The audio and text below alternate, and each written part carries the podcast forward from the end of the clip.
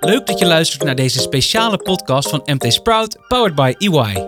Mijn naam is Matthijs Franke en in deze podcast spreek ik met twee van de winnaars van de jaarlijkse EY Entrepreneur of the Year Awards. Een prijs voor topondernemers die het beste uit zichzelf, klanten en hun collega's willen halen. Ik spreek met de ondernemer die EY Entrepreneur of the Year werd, Ali Niknam, en misschien wel een van zijn toekomstige opvolgers, Gijs Koppens, EY Emerging Entrepreneur of the Year. We gaan het hebben over hun ondernemerschap en gezamenlijke passie om dingen te veranderen. Beide doen ze dat in een relatief traditionele sector met een sterk technologische insteek. Ali, op 16-jarige leeftijd begon je met een vriend een webshop in computers. Daarna ja, werd je in korte tijd ondernemer en steeds meer ondernemer. Drie bedrijven opgestart. Ja, misschien wel meer eigenlijk. Hoeveel bedrijven heb je opgestart? Dat zou ik niet eens meer weten, joh. Nee? Nee, dat weet ik echt niet meer. Maar drie waar we je van kennen nu. Hè? Ja, de Data Center drie, Group. drie grote plus die eerste waar ik mee startte. Plus nog wat tussendoor. Eh, en een stichting en misschien wel nog een stichting. Dus dan kunnen we meteen beslechten dat ik geen bankier ben. Ik ben de tel kwijt. Ja, Nou, precies. Hebben we dat ook weer gehad. Nou, dan hebben we dat maar vast eh, genoemd. Had je toen al gedacht, ik word ooit Entrepreneur of the Year? Eh, nee. nee. En is het iets wat je ambieerde? Zou Entrepreneur of the Year worden? En in die zin een voorbeeld voor andere ondernemers? Allebei niet. Nee? Nee. Helemaal Nee. niet? Of Nee, helemaal niet. Nee, ik hou gewoon van dingen bouwen. En ehm, ik ben van jongs af aan bezig geweest met dingen die me bezighielden. En nieuwsgierigheid en uitvinden hoe dingen werkten. Om daar vervolgens eh, dat weer te gebruiken als een soort inspiratie om zelf weer dingen te bouwen en dingen beter te maken. En ik ben ook op mijn negende begonnen met programmeren. En dat, dat definieert me veel meer dan, dan de bedrijven. De- die drang om, om eh, nieuwe dingen te bouwen. En is ondernemerschap dan voor jou ook gewoon een manier om dingen te kunnen bouwen? Zeker. Veel meer dan een manier om geld te verdienen, iets in de wereld te zetten. Ja. En Gijs, als twintiger ging jij naar China en vervolgens naar Maleisië om te ondernemen. Je startte een ledlampenbedrijf. Daarna ging je psychologie studeren. Ging je nog werken voor een consultant. En toen dook je terug in ondernemerschap en combineerde je technologie, psychologie en ondernemerschap. Wat is nou je hoofdexpertise eigenlijk? Ja, goede vraag. Ik zou toch ook wel zeggen ondernemerschap eigenlijk. Eh, dus, eh, of problemen oplossen wellicht. Ik ben een goede probleemoplosser. Van alles en nog wat. Dus als psycholoog, maar ook als ingenieur moet je problemen oplossen. Vind ik ook interessant om problemen op te lossen. Hoe groter je bedrijf wordt, hoe complexer het is. Dus De helft van het werk van een ingenieur is ook gewoon psychologie, denk ik. Ja? Het draait uiteindelijk altijd om mensen. Voordat je een probleem echt kan beslechten of doorgronden, moet je eerst weten wat het menselijk probleem is, wat erachter steekt. ik, ik ben dat helemaal met je eens. Dus ik denk ook dat eigenlijk... Delft boys, hè, hier. Allebei Delft. Nee, Hey, kijk, Delft. ik denk, dit is, een, dit is een pleidooi voor de psychologie. Daar hou ik van. En zeker Ja. van een ingenieur. Ik ben het echt met je eens. Omdat ook de, de, vaak de technische problemen die we moeten oplossen in de dagelijkse praktijk. Die zijn met boerenverstand op te lossen. Dus de echte grote problemen ontstaan vaak tussen mensen in bedrijven. En dat moet je heel gestructureerd willen neerzetten. Het kost ook veel energie. En is die optelsom dan ondernemerschap of hoe moet ik dat zien? Want dat is eigenlijk wel iets heel anders, toch? Eh, ik denk dat eh, ondernemerschap de optelsom is eh, van verschillende delen afhankelijk van de ondernemer. Wat zijn, welke zijn dat voor jou? Dingen willen bouwen, de wereld vooruit willen helpen en altijd eigenlijk een klein beetje bij de hand, schuine streep, eigenwijs, schuine streep, eh bedweter zijn. Die herken ik heel erg. En ook, ook wel waar ik mee moeite heb soms. Hè, je moet toch, als je groter wordt, ook steeds meer grenzen stellen. Je moet dingen expliciet maken.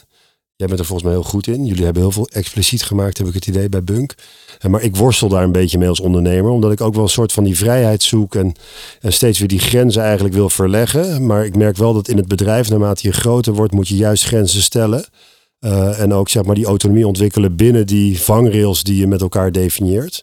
En dat zijn bijvoorbeeld wel de uitdagingen van een groter bedrijf waar ik zelf nog soms zoekende ben van hoe vind ik daar het, op de juiste manier het plezier in. Ik ben ook wel benieuwd, Ali, hoe jij dat soort dat Ja, kijk, ervaart. eh, hoe ik altijd denk is, eh, voetbal zou helemaal niet leuk zijn als we niet zouden afspreken dat hoe groot het veld is en wat binnen en buiten is. En hoe- dat je met elf man op het veld mag staan.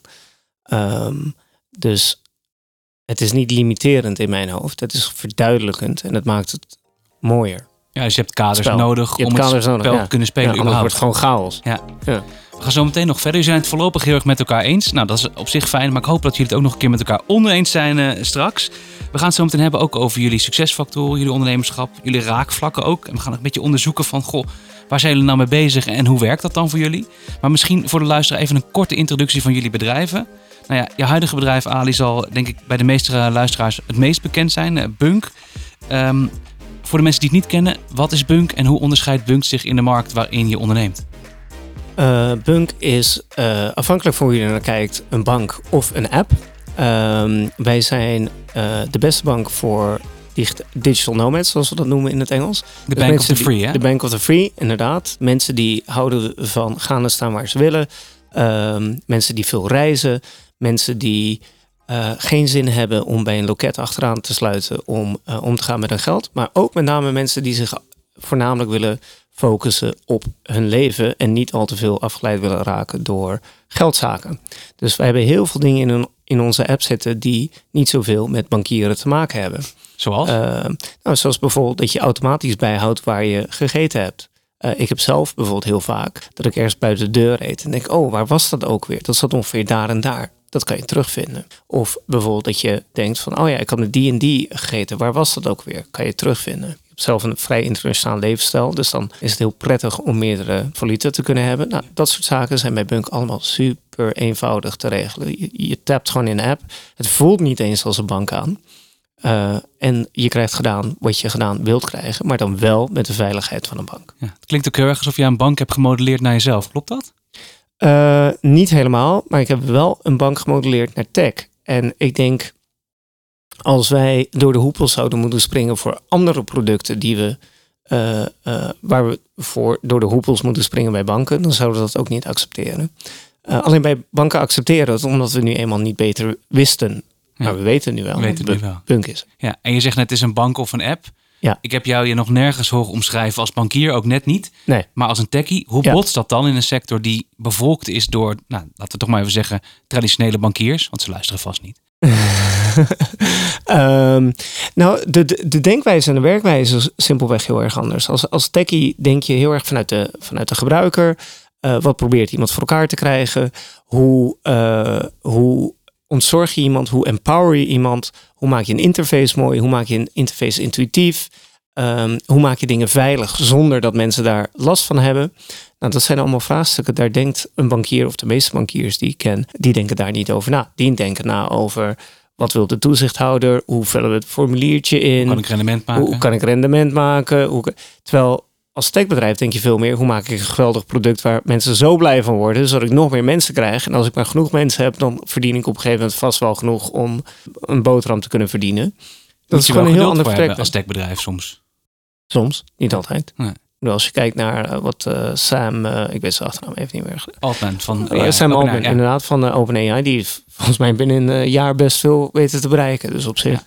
het kan ook snel gaan. Ja, het kan ook snel gaan. En soms moet je geduld hebben. Ja. In gereguleerde omgeving, helaas. Bij jou ging het nou, nou, best snel, Gijs. Ik denk dat je in 2018 iPractice begonnen bent. Ja. Dat werd al snel Open Up, of daar kwam snel Open Up bij.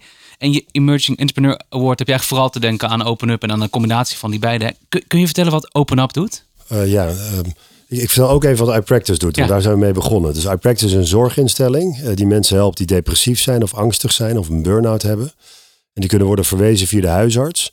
En die krijgen dan een therapie waarin minimaal de helft van het contact via de chat verloopt. En dat is voor de geestelijke gezondheidszorg echt wel een gamechanger. Eh, Want op die chat kunnen we automatiseren. En de GGZ heeft een groot probleem met wachtrijen. eh, en met veel meer eh, vraag naar GGZ-behandelingen dan aanbod.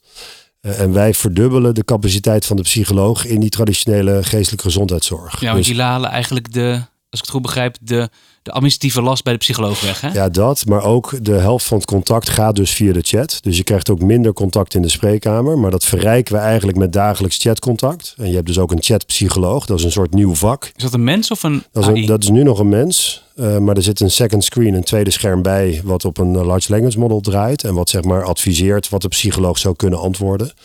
En wat ook de juiste content naar de patiënt kan, eh, kan sturen. En je snapt natuurlijk dat die caseload van die psycholoog hè, met behulp van technologie steeds, eh, kan, st- steeds kan toenemen. Dus daar zit de upside ook voor de gezondheidszorg, als we dat goed inregelen. Maar in de gezondheidszorg is het heel moeilijk om echt een tech-only, dus een echt tech-product, in alleen de gezondheidszorg waarin de mens niet meekijkt, daar is de patiënt nog niet klaar voor, daar is de huisarts niet klaar voor. En de vraag is dus even voor de gezondheidszorg waar die ideale balans ligt. En dat zijn we aan het zoeken met iPractice.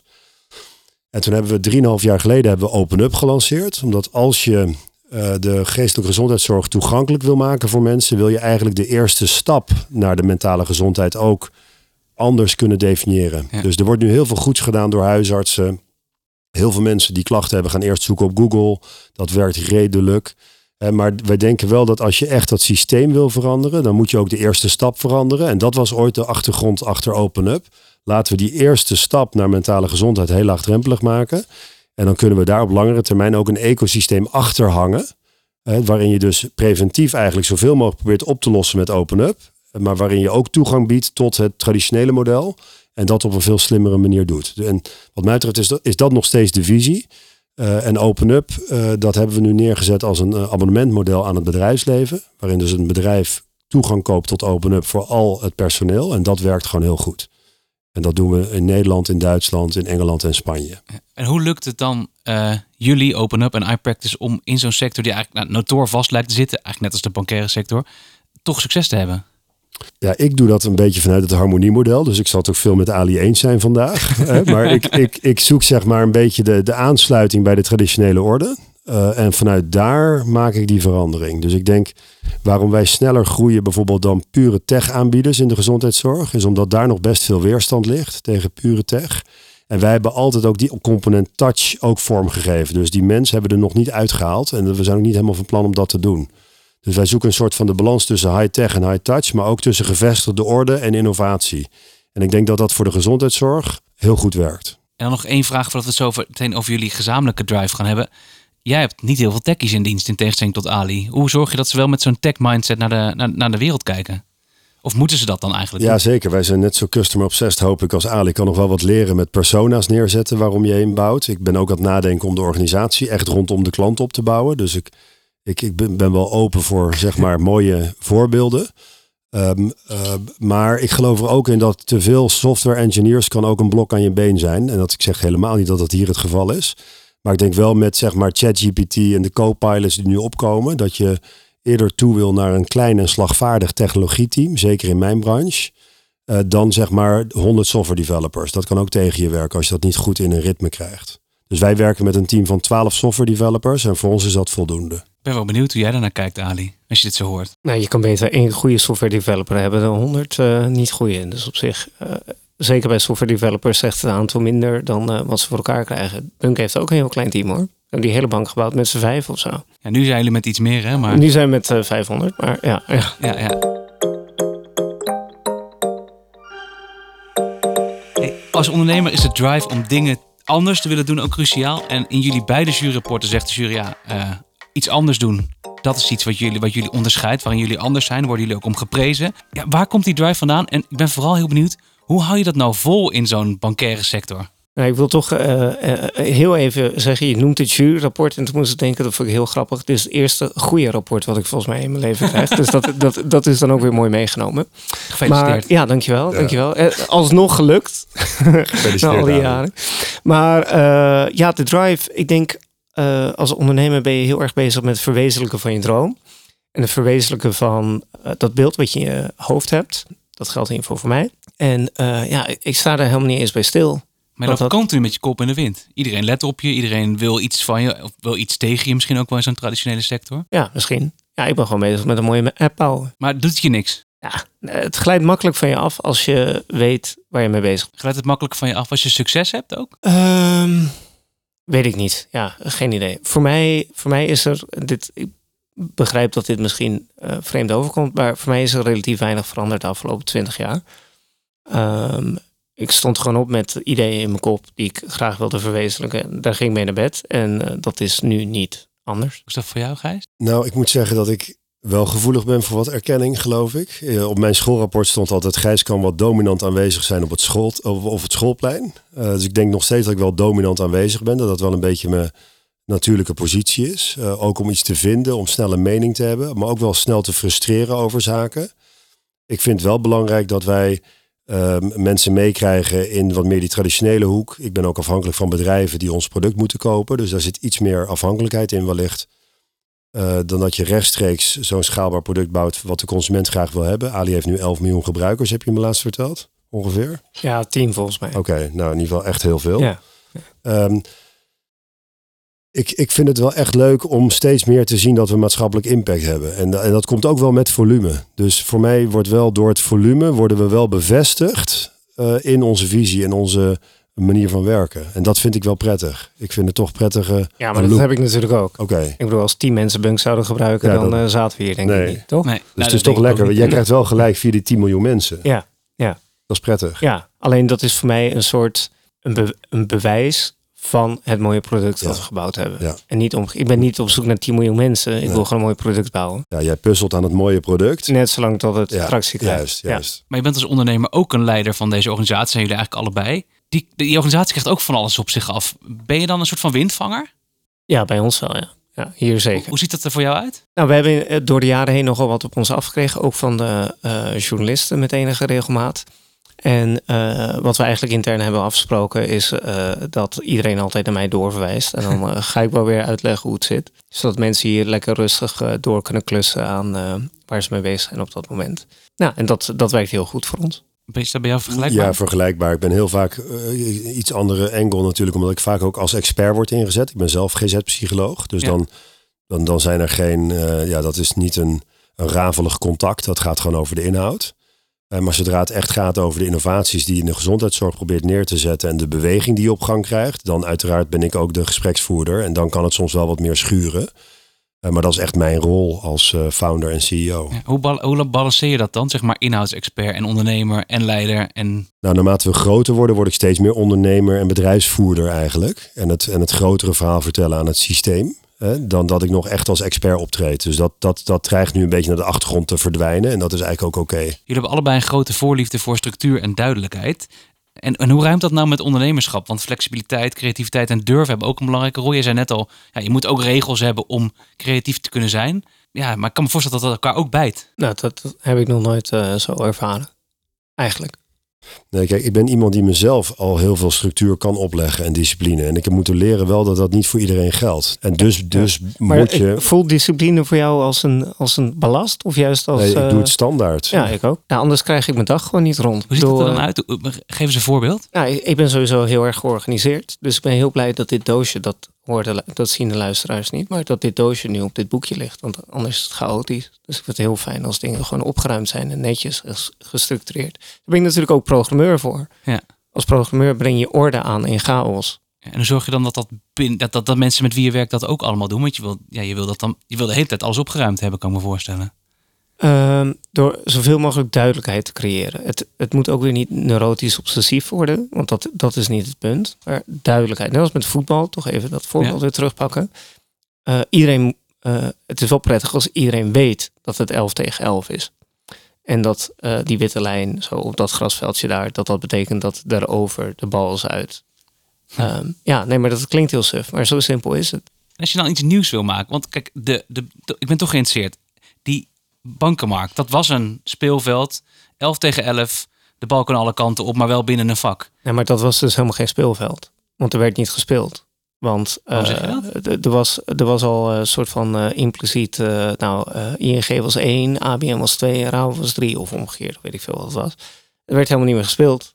Want er waren geen uitdagers. En ze zegt er werd gevoetbald, maar de uitslag was al bekend. Als er al werd gevoetbald. Ja. Ja, de teams waren. Er waren tien, drie teams, maar ja, de uitslag was er en er was geen reden om nog te spelen. Zie je knikken? Nou, omdat je zou kunnen zeggen dat banken maken nog steeds ongelooflijk veel winst. Ja. Hè, dus er is nog steeds ruimte voor challengers als Ali om die, die wereld van buitenaf eh, te benaderen. Dus eigenlijk, er is nog zeg maar, veel land to grab, denk ik, voor jou, Ali. Ja, dat is een economische wetmatigheid, toch? Zolang er te veel winst is, betekent eigenlijk dat de markt niet efficiënt werkt. Eh, en de markt werkt niet efficiënt, omdat we heel veel wet en regelgeving hebben die nieuwe spelers ofwel eh, de toegang belemmert, ofwel als ze er eenmaal binnen zijn, de toegang moeilijk maakt en het spelen moeilijk maakt. En als we eens teruggrijpen naar ondernemerschap, dan zeg je eigenlijk veel.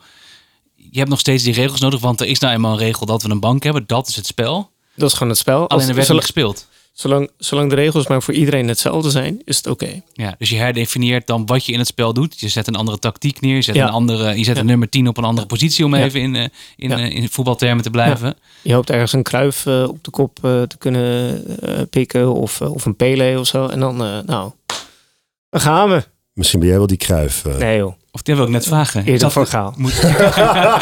ja, Als dat is, we, ja, dat is een interessante vraag. Ben je, als je jezelf definieert als een Van Gaal, dan definieer je jezelf meer als een coach dan als iemand die op het veld staat. Is dat zo? Eh, dat- ik denk dat iemand die, het- die, die de overzicht bewaart en Ja. die een team weet te bouwen. Ben jij een Cruijff of een Van Gaal, Gijs? Of een Pele? Nou, dan zou ik me eerder met Kruif identificeren, maar dat is misschien wel heel erg groot. Dus Mag. daar- nee, ik vind eh, Van Gaal ehm, iets te dwangmatig, geloof ik. Ehm, dus ik ben een beetje aan het zoeken. Ehm, denk, ik, ik heb jouw boek even gelezen, Ali. En ik, ik Wat word... vond je ervan? Nou, heel goed. Welk boek trouwens? Ondernemers hebben nooit geluk? Of Ja, die. breken met banken? Nee, die. Oké, nee, ondernemers hebben Ja. En, Ja. en die heb je Leuk. geschreven toen je jonger was dan je nu bent. Ja, nog jonger. En, en, daar, en daarin om- omschrijf jij dat er weinig onzekerheid is bij jou over de wetenschap of je ondernemer bent. Ja. En, en daar ben ik het niet helemaal mee eens. Want ik, ik word ook wel gedreven door onzekerheid. En ik denk ook dat dat een soort van voortstuwende kracht is die mij helpt om dingen heel goed te willen snappen. Ik weet niet of je het zo hebt bedoeld hoor, maar dat leek me wel een verschil wellicht tussen ons. Eh, dus als je het hebt over Van Gaal. Hè, van Gaal wordt niet belemmerd door enige twijfel aan zijn eigen kunnen. Eh, en, en ik word wel niet belemmerd, maar ik heb wel twijfel aan mijn kunnen soms. En dat helpt ook wel, denk ik, om dingen scherp te zetten. Of om mezelf echt, echt uit te dagen om iets goed te snappen en de juiste beslissing te maken. Dus ik weet niet of Cruijff, die werd denk ik ook niet door heel veel onzekerheid geteisterd. Maar, zeg maar als er een topspeler is die ook een beetje onzeker is, dan kan ik me daar eh, goed mee identificeren. Word jij niet ge- ge- geteisterd door enige onzekerheid, Ali? Ben je nooit onzeker? Ehm, dat, nou ja, ik ben ook maar een mens. Hè. Laten we dat even Ja, ja. voorop Nou, staan. dan kunnen we dat vast, Van dat Gaal noteren we, ja. Ehm, maar ik denk dat ik daar niet zo mee bezig ben. Ik heb gewoon een beeld in mijn hoofd en dat beeld ben ik aan het bouwen. En eh, eh, weet je, tegenwind, meewind, eh, s ochtends vroeg, s avonds laat, makkelijk, moeilijk, eh, lukt het wel, lukt het niet, maakt me allemaal geen fluit uit. Dat beeld moet gewoon tot stand komen. Ja. Maakt het ook wel makkelijk als je niet de hele tijd over andere dingen aan het nadenken hoeft. En, en wat minder op jezelf gericht bent dan. Je bent echt op het product gericht. Ja, ik maak mezelf dienstbaar naar, naar dat beeld wat Ja. moet ontstaan. Ja. Ja.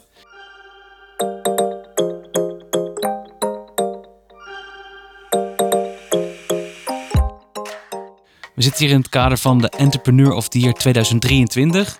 Nou ja, we hebben het net al over AI gehad. Het gaat heel veel over technologie in ons gesprek. En jullie bedrijven raken elkaar dus ook in ja, technologie en de mogelijkheden van vandaag en de toekomst inzetten in een bestaande markt. Is dat wat jullie betreft ook cruciaal om succesvol te zijn? Moet de ondernemer van 2023, 2024 en verder een techie zijn? Eh, of moet je technologie inzetten op dit moment om een succesvolle ondernemer te zijn? De aardige vraag is natuurlijk, en ik wil nou niet een soort filosofische discussie ontketenen. Dat mag, we maar hebben nog 20 minuten, dus dat kan. Discussie is ehm, ergens natuurlijk wat, eh, filosofische discussie is ergens, wat is technologie? Wat is jouw antwoord? Nou ja, you tell me. Ik bedoel, de ouderwetse bankiers gebruiken ook technologie. Ehm, landbouw of zo, wat we misschien in ons hoofd hebben als heel ouderwets en natuurlijk. Dat is een en al technologie. Wageningen loopt wereldwijd voor met alle techniek die we hier in Nederland hebben. Dus het is een beetje een dooddoener in zekere zin om te zeggen, moet een ondernemer iets weten van technologie? Want als jij een pen gebruikt, dan maak je gebruik van de schrifttechnologie. Dus alles is technologie. Eh, de vraag is alleen, hoe breed is je spectrum van de technologische middelen die je kan in- inzetten? Hoe eh, relatief nieuw zijn die? Maar goed, dan wordt het misschien te abstract. Maar dat, ja, dat is een beetje mijn gedachte hierover. Maar moet je hier dus over dit soort dingen wel nadenken over, goh, wat, wat is de toekomst om succesvol te kunnen zijn als ondernemer? Wat is nou de toekomst en hoe kan ik dat speelveld? Ik, ik weet niet hoe mensen nadenken die nadenken over succesvol zijn als ondernemer. Want dat is niet wat ik aan het doen ben. Eh, ik ben gewoon iets aan het bouwen. En ik kan je wel vertellen wat ik allemaal aan het doen ben om te zorgen dat dingen tot stand komen. Eh, maar succesvol ondernemer zijn, ja, daar heb ik geen kaas van gegeten. Heb jij daar kaas van gegeten, Gijs? Nee, dat niet op die manier. Je kan niet zeggen, en nu ben ik een succesvol ondernemer. Ik denk, bij mij is het begonnen met een takenlijst. Mijn eigen honderd taken als professional. Vanuit het idee van welke taken kun je nou naar technologie overhevelen. Eh, welke taken kun je naar de patiënt zelf overhevelen. Welke taken kun je naar een online assistent overhevelen. En dat is eigenlijk een hele traditionele zienswijze op innovatie. Dat is natuurlijk wat de stoommachine ook al deed. En het paard ook ooit voor de boer. Dus, en daar geloof ik nog steeds in, dat we steeds opnieuw aan het kijken zijn, wat hoort bij de mens en wat kan je bij technologie onderbrengen. En dat je daar het optimum in zoekt om een zo goed mogelijk product te bouwen. Dus dat is wat ik doe. En ja, ik vind het wel leuk dat er een context ontstaat waarin je dat steeds zeg maar, op meer schaal kan doen. Hè, dus omdat je ondernemer bent en mensen mee kunt krijgen. Ik denk wel dat dat een belangrijke eigenschap is van, van ondernemers. Je moet wel mensen mee kunnen krijgen. Nou, als het idee maar mooi genoeg is, dan gaan mensen meedoen. Is dat zo? Ja, maar de mens, de mens heeft er ook wel een rol in, toch? Jij, jij kan het ook wel goed uitleggen. Jij, hebt, Oh, wel, jij hebt dankjewel. wel iets mesmerizing, iets, Oh, ja. magnetisme, eh, iets van magnetisme. Gijs, dankjewel. Ja, nee, dat, die krijg je van me. Maar ik denk wel dat dat belangrijk is. Dat je iets meebrengt ook als mens, naast het idee. wat zeg maar de combina die combinatie is denk ik heel aantrekkelijk. Denk je niet? Denk jij dat jij daar als mens geen rol in hebt, uh, Ali? Nou, ik denk dat ehm, als, als, als datgene wat je uh, voor je ziet, als dat heel helder is, dan kan je het ook heel helder uitleggen. En als je het heel helder uitlegt, dan wordt het voor andere mensen ook bijna tastbaar. En daar, dus mijn ervaring in ieder geval, daar worden anderen dan enthousiast van. Ja, maar jij bent wel dus gegeven eigenlijk jouw eigenschappen. Jij kan dat dus ook. Jij kan iets heel helder voor ogen zien en dat goed uitleggen aan anderen. Ja. Dat is wel een soort menselijke eigenschap die jou gegeven is, waardoor je dat... Waardoor je dat kan. Ja. ja. En je zegt, oké, ik kan niet zeggen wanneer ik succesvol ondernemer ben. Je, kunt, je wil wel mooie dingen maken. Hè? En om mooie dingen te maken, gebruik je in ieder geval wel het vertellen om daar te komen, toch? Zeker. Doe, als je het niet vertelt, dan komt het er niet. Nee, dat is ook mijn, misschien mijn Iraanse inborst en achtergang. Ja, hoe, uh, achter, achter, achtergrond. Wat heeft dat daarmee te maken? Ja, de persen met een oude romantisch verhaal. We zijn verhalenvertellers. Ik sluit begrijp. Ik vind de ondernemer ook een verhalenverteller. Dus als je een boot wil bouwen, moet je mensen doen verlangen naar de zee. En dat is natuurlijk toch een beetje wat jij ook doet, maar wat ik ook doe. Dus mijn missie is mentale gezondheid voor iedereen. En dat moet een bepaald verlangen oproepen bij de mensen die bij je werken, om dat te realiseren. Ja, maar ook bij de mensen die het moeten kopen. Want heel veel mensen zijn ook bang voor nieuwe dingen. Hè? Ja, dus, dus je zegt, van, ja goed, uh, ik wil mooie dingen maken. Uh, als je maar een goed idee hebt, dan komt het er. Maar er was ook ooit iemand die het vuur bedacht. Dat vond niet iedereen meteen een goed idee. Dat denk ik dan tenminste. Mensen waren bang. Net als het buskruid vonden mensen ook eng. Buskruid is ook een beetje eng. Ja, is, nee, in de basis is het ook eng, maar het heeft ook heel veel dingen opgeleverd. Ja, ja, ja, yin-yang. Wat is de, wat is de, wat is de yang van, van, jouw, van jouw ondernemerschap? Je, wat een vraag. Ja, uh, Gijs, help me hier. Yin-yang, hoe, hoe blijf jij in balans, Ali? Ja, gewoon vanzelf. Wat doe jij aan sport? Doe jij... Ja, ik sport wel. Vind ik heel fijn ook. Om, uh, dus ik zwem graag. Uh, en ik squash graag. Uh, maar ik heb altijd al van sport gehouden ook. Vind ik ook leuk. Beetje competitief, hardlopen. Harder dan ga je eens lopen. Dat, dat mag hoor, ik laat je graag binnen. Hey, en uh, lig je wel eens wakker? Niet om de verkeerde reden. Oké, oké, oké. Als we het toch over balans hebben en work-life balance. Dat is een vraag die misschien uh, in deze tafel met, uh, met drie mannen aan tafel niet zo snel uh, gesteld wordt. Maar Gijs, jij hebt een jong gezin. Als, maar je bent ook heel veel tijd kwijt aan je werk. Hoe balanceer je dat? Ja, toch grenzen stellen. Heel hard werken tussen acht en vijf.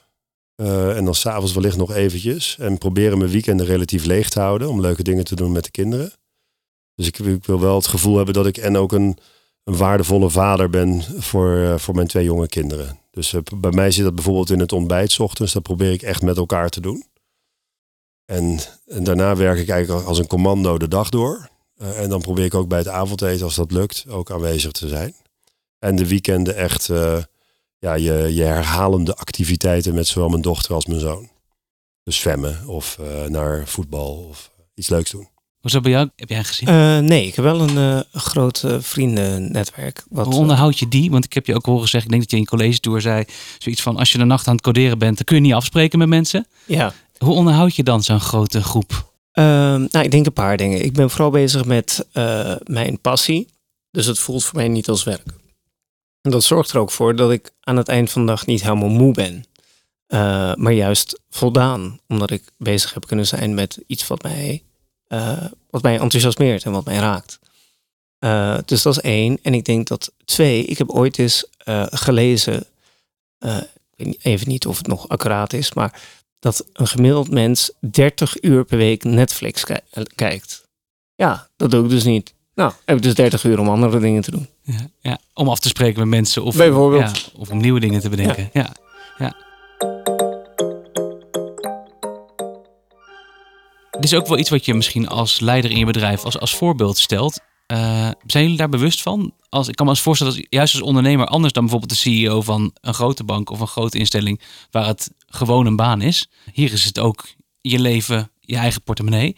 Ben je bewust van dat je daarmee bezig moet zijn om mensen ook een voorbeeld te geven in je werkt? Uh, ja, ik vind van wel. Ik ben daar zelf ook in ontwikkeling, moet ik je zeggen hoor. Dus ik ben aan het leren om wat mijn dilemma's wat meer te delen, bijvoorbeeld. Dat vind ik eigenlijk heel prettig om te doen. Uh, en daarmee moedig je ook weer mensen aan in het bedrijf om dilemma's te delen. Maar het is altijd een beetje de balans vinden tussen de hardheid van een start-up. Want het is wel ook een, een hard spel eigenlijk. Je bent iets aan het openbreken wat nog niet opengebroken is. Dus daar is veel energie voorwaarts voor nodig. Uh, en je hebt natuurlijk toch ook gewoon met mensen te maken die elke dag gemotiveerd moeten zijn om mee te werken. En daar zit ook een menselijke component. Dus ik probeer wel, zeker met onze achtergrond, zeg maar, zowel die psychologie als die taakgerichtheid, om die allebei te verwerken in het bedrijf. En, en zelf daar het voorbeeld in te zijn. Nou, ik geloof heel erg in eh, eh, vrijheid en zelfredzaamheid. Dus dat ik probeer mensen ook eh, dat bij te brengen. Dat ja, al- als er iets is, positief of negatief, zie een kans, pak hem. Heb je een probleem, los hem op. Heb je me hulp nodig, stuur me een appje. Maar ik geloof niet zo in, eh, in handje vasthouden en mensen behandelen alsof het nog kinderen zijn. Eh, want daarmee hou je zo klein. Geloof je wel in voorbeeldgedrag? Ik geloof heel erg in dingen bij jezelf houden en authentiek zijn naar je eigen normen en waarden. En als dat een voorbeeld is voor een ander, dan is dat aan de ander om te bepalen wie hij of zij als voorbeeld kiest. Ik, ik, ik, hoe ik er naar kijk is in ieder geval dat je een bepaalde emotionele volwassenheid moet hebben. Dat is wat Ali eigenlijk ook zegt. Hè? Je wil niet iemand vasthouden bij het handje als een kind. Maar die emotionele volwassenheid moet je soms wel trainen in het bedrijf. Hè? Dus het is geen gegeven dat iedereen op datzelfde niveau binnenkomt. Hè? Dus daar moet je of heel goed op selecteren. eh, wat ook zeker kan. Wat niet makkelijk is, maar wel kan. En, en belangrijk, recruitment. Of je moet dat ontwikkelen in het bedrijf. Die, die volwassenheid die Ali omschrijft. Hoe doe je dat? Ik doe dat door, eh, ja, het is een cliché-term, maar leiderschapstraining bijvoorbeeld. Voor mij gaat het erg over van, ehm, eh, neem jezelf de, de, het eigenaarschap over je eigen ervaring. Dus er is best wel een wereld aan het ontstaan waarin we de ander verantwoordelijk maken voor onze eigen ervaring. Ehm, en dat is zeg maar een houding die je eigenlijk niet op grote schaal wil cultiveren in je bedrijf. Want je wil dat mensen zelf eigenaarschap tonen. Eh, en, maar dan moet je wel dus ook de mensen de tools geven om dat te ontwikkelen. En dat kan met leiderschapstrainingen. Dat is wel een buzzwoord. Eh, maar je moet wat mij betreft zorgen dat mensen snappen wie ze zijn. Eh, wat hun handleiding is. En dat ze die ook zeg maar bij zichzelf houden. En niet projecteren op de ander. En dat ze ook in staat zijn om hun eigen handleiding te delen met hun collega's. Ik ben nog wel benieuwd, Ali. Veel ondernemers krijgen ook de. Ja, toch wel het verwijt misschien wel. Om een beetje, dat ze een beetje micromanagers zijn. Dat ze overal mee bezig willen zijn. Ik weet niet of dat voor jullie geldt. Maar hoe zorg je dat je een balans krijgt tussen vrijheid en controle? Want hoe groter je bedrijf wordt, hoe minder je overal in kunt zitten. Ja, nou, eh, over verwijten gesproken, als ondernemer krijg je aan de lopende band verwijten. Als je daar niet tegen kan, moet je niet, eh, ja, dat, dat is moet je niet gaan doen, nee, nee, moet je niet gaan doen. Voor wat betreft het micromanagen, dat is net zoiets als technologie. Ja, wat is in hemelsnaam nou micromanagen? Kun je me dat uitleggen? Nou, wat ik ermee bedoel, eh, is volgens mij kan je niet altijd alle details, je met alle details bezighouden. Jij zegt het zelf ook, ik wil graag vrijheid geven aan mensen. Ja. Maar je wil ook uiteindelijk, aan die end of the day, het beste en het mooiste product maken. Dus je, ik kan me voorstellen, zeker als je het je eigen bedrijf is, dat je er gewoon kort op wil zitten en overal wat van wil, wil maken, wil vinden. Het is, het is wat jij maakt, toch? Jij wil mooie dingen maken, heb je net gezegd. Hoe is dat voor jou met deze podcast? Want je wil een mooie podcast maken. Je bent daarvan afhankelijk van andere mensen. Eh, maar je bent er zelf ook bij. Hoe pak jij dit op? Ja, dat is een goede vraag. Kijk, ik vind het fijn als jullie goed kunnen praten. Dus, dat, dus, dus, dus voor mij is het niet zo heel belangrijk wat jullie zeggen. Oké. Dus ik heb niet zoveel controlebehoefte ook in die zin. Heb jij een controlebehoefte? Eh, ik heb een resultaatsbehoefte. Wat is het Dus- verschil? Ik denk dat het verschil is dat ik hoef geen controle. Ik ben prima. eh, ik ben prima oké en heel comfortabel eigenlijk juist als iemand anders het voortouw neemt. Maar als we zeggen dat we vijf uur vanavond, vijf uur vanmiddag bij Maastricht afspreken. En we komen daar om vijf uur, vind ik het, zolang we, zolang we daar dus maar om vijf uur komen, vind ik het goed. En als dat niet lukt, ja, dan, dan, moet, dan moet iemand iets doen. Ik, ik, ik sluit me. eh, Ik, trouwens, tot nu dacht ik dat ik controlebehoeftig was. En inmiddels denk ik dat ik ook resultaatbehoeftig ben. Zo leer je nog eens wat, hè? Eh, maar eh, ik kan. eh, ik, ik, Ja, want dat is wel echt wat anders. Hè? Want ja. ik ken mensen ook die controlebehoeftig zijn. Die moeten, die moeten elke stap soort van... En dan gaat het over hoe je de stap, hoe je het proces je- uitvoert. ja, En jij zegt, maak me Dat niet gaat uit ook- hoe het uitgevoerd wordt, dat gaat als het ook maar om- komt. Ook om dominantie en ook om ego vaak. En om dat soort zaken. Mij interesseert allemaal geen fluit als er resultaat er maar is. Maar als er resultaat er niet is, dan moet die persoon er ook staan. Dat heeft te maken met eh, wat Gijs net zei. Dus je bent programmeur, er worden hier heel veel codes geschreven. Het maakt niet uit welke code er geschreven wordt, als er maar uitkomt wat jij voor de klant wil. Of wat je in het product wil. En de kwaliteit van de code goed Ja, is. oké, ja, precies, ja. Ja, ja. We gaan richting de afronding. Ik ben wel benieuwd. eh, nou, jullie hebben al zo over en weer eh, wat dingen over elkaar gevonden. Maar ik ben wel benieuwd, eh, Ali. Als je Gijs nou zo hoort praten, wat zou je nog van hem willen leren? ja, wat een vraag. Ik vond een hele mooie vraag. Dat is wel een hele mooie vraag. Nou, eh, mag Gijs eerst? Dan ga ik nog even nadenken. Wat zou je van Ali willen leren, Gijs? Nou, ik heb Ali toevallig recent gesproken. Daarom, ja. Ja. En ehm, toen vertelde ik Ali dat ik de hele dag vol zit in meetings. En toen vertelde Ali mij dat hij heel weinig meetings doet. En als hij meetings doet, is het 10 minuten. Daar heb ik even over moeten nadenken. Wij zitten hier al 40 minuten, dus we zijn Ja. blessed, hè? Wat dat betreft. Nou, ik, mijn conclusie is ook dat ik dat niet van Ali ga overnemen. Eh, maar dat ik wel heel goed snap dat het bij hem past. Eh, maar dat het in mijn bedrijf toch dat relationele aspect ook behoorlijk belangrijk is. In mijn dienst, in mijn, in mijn bedrijf. Daar kiezen mensen ook voor. Dus, en, en daar ben ik een belangrijk uithangbord van. En in 10 minuten kan ik denk net te weinig die relationele capaciteit ontwikkelen. Dus dat, dat neem ik niet van je over. Eh, maar wat ik wel zeg maar, echt interessant vind aan de aanpak van Ali... is toch de structuur die die rigoureus neerzet. Op een hele goede manier, vind ik. Ik denk dat het de enige manier is om 500 mensen in het juiste ritme te brengen. Dat het ook heel veel... Ik, ik wil dat woord ook niet overgebruiken, maar toch een bepaalde nou, helderheid. Ik wilde bijna veiligheid zeggen, psychologische veiligheid. Maar dat is Voorspelbaarheid ja, voorspelbaarheid. Hè?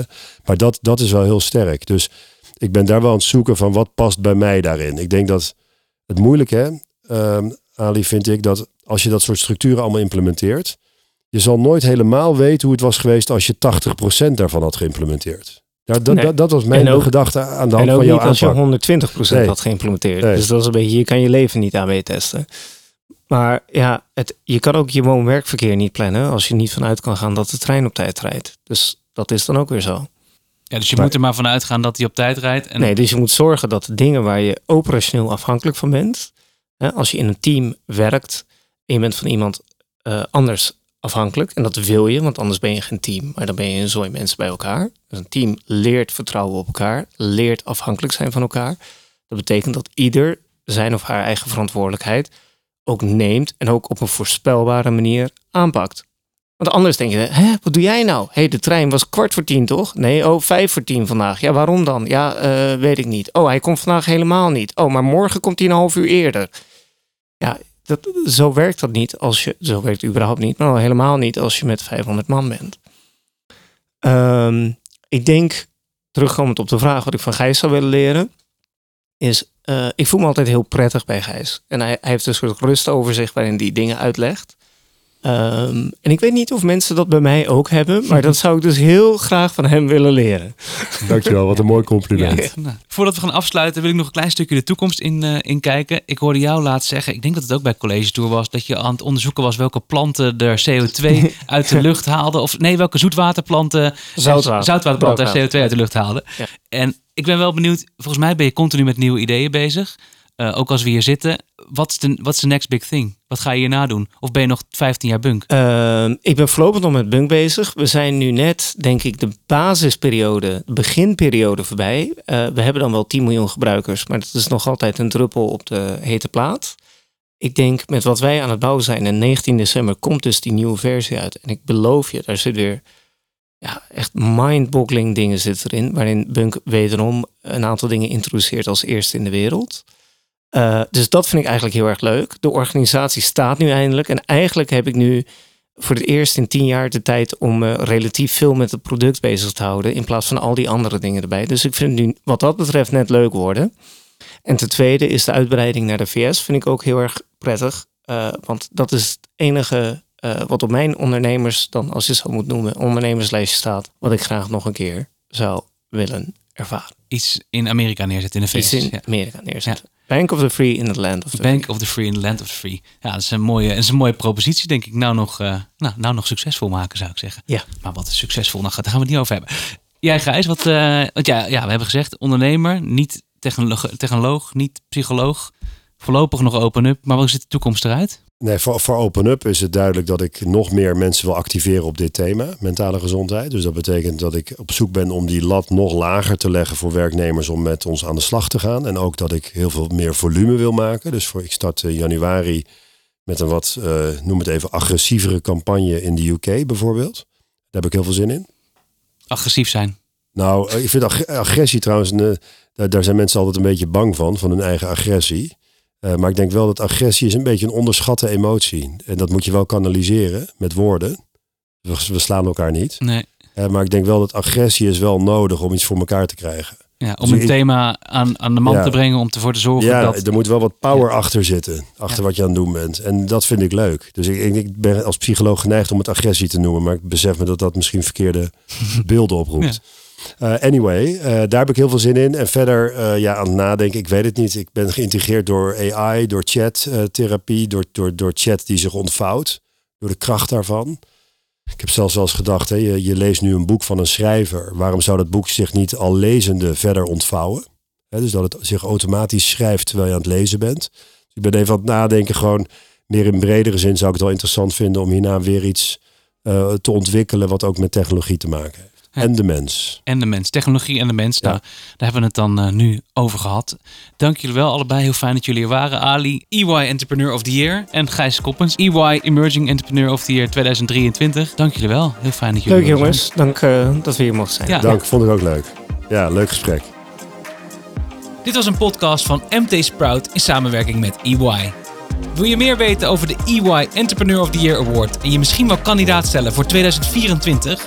Ga naar ey.nl slash EOY, EOY om meer te weten te komen over het programma en de selectiecriteria. Blijf op de hoogte van wat er speelt in ondernemend Nederland op mtsprout.nl. En vond je dit een leuke podcast? Deel hem met iedereen die je moet horen en geef het de waardering die jij het waard vindt in je favoriete podcast app. Bedankt voor het luisteren en wie weet tot de volgende keer.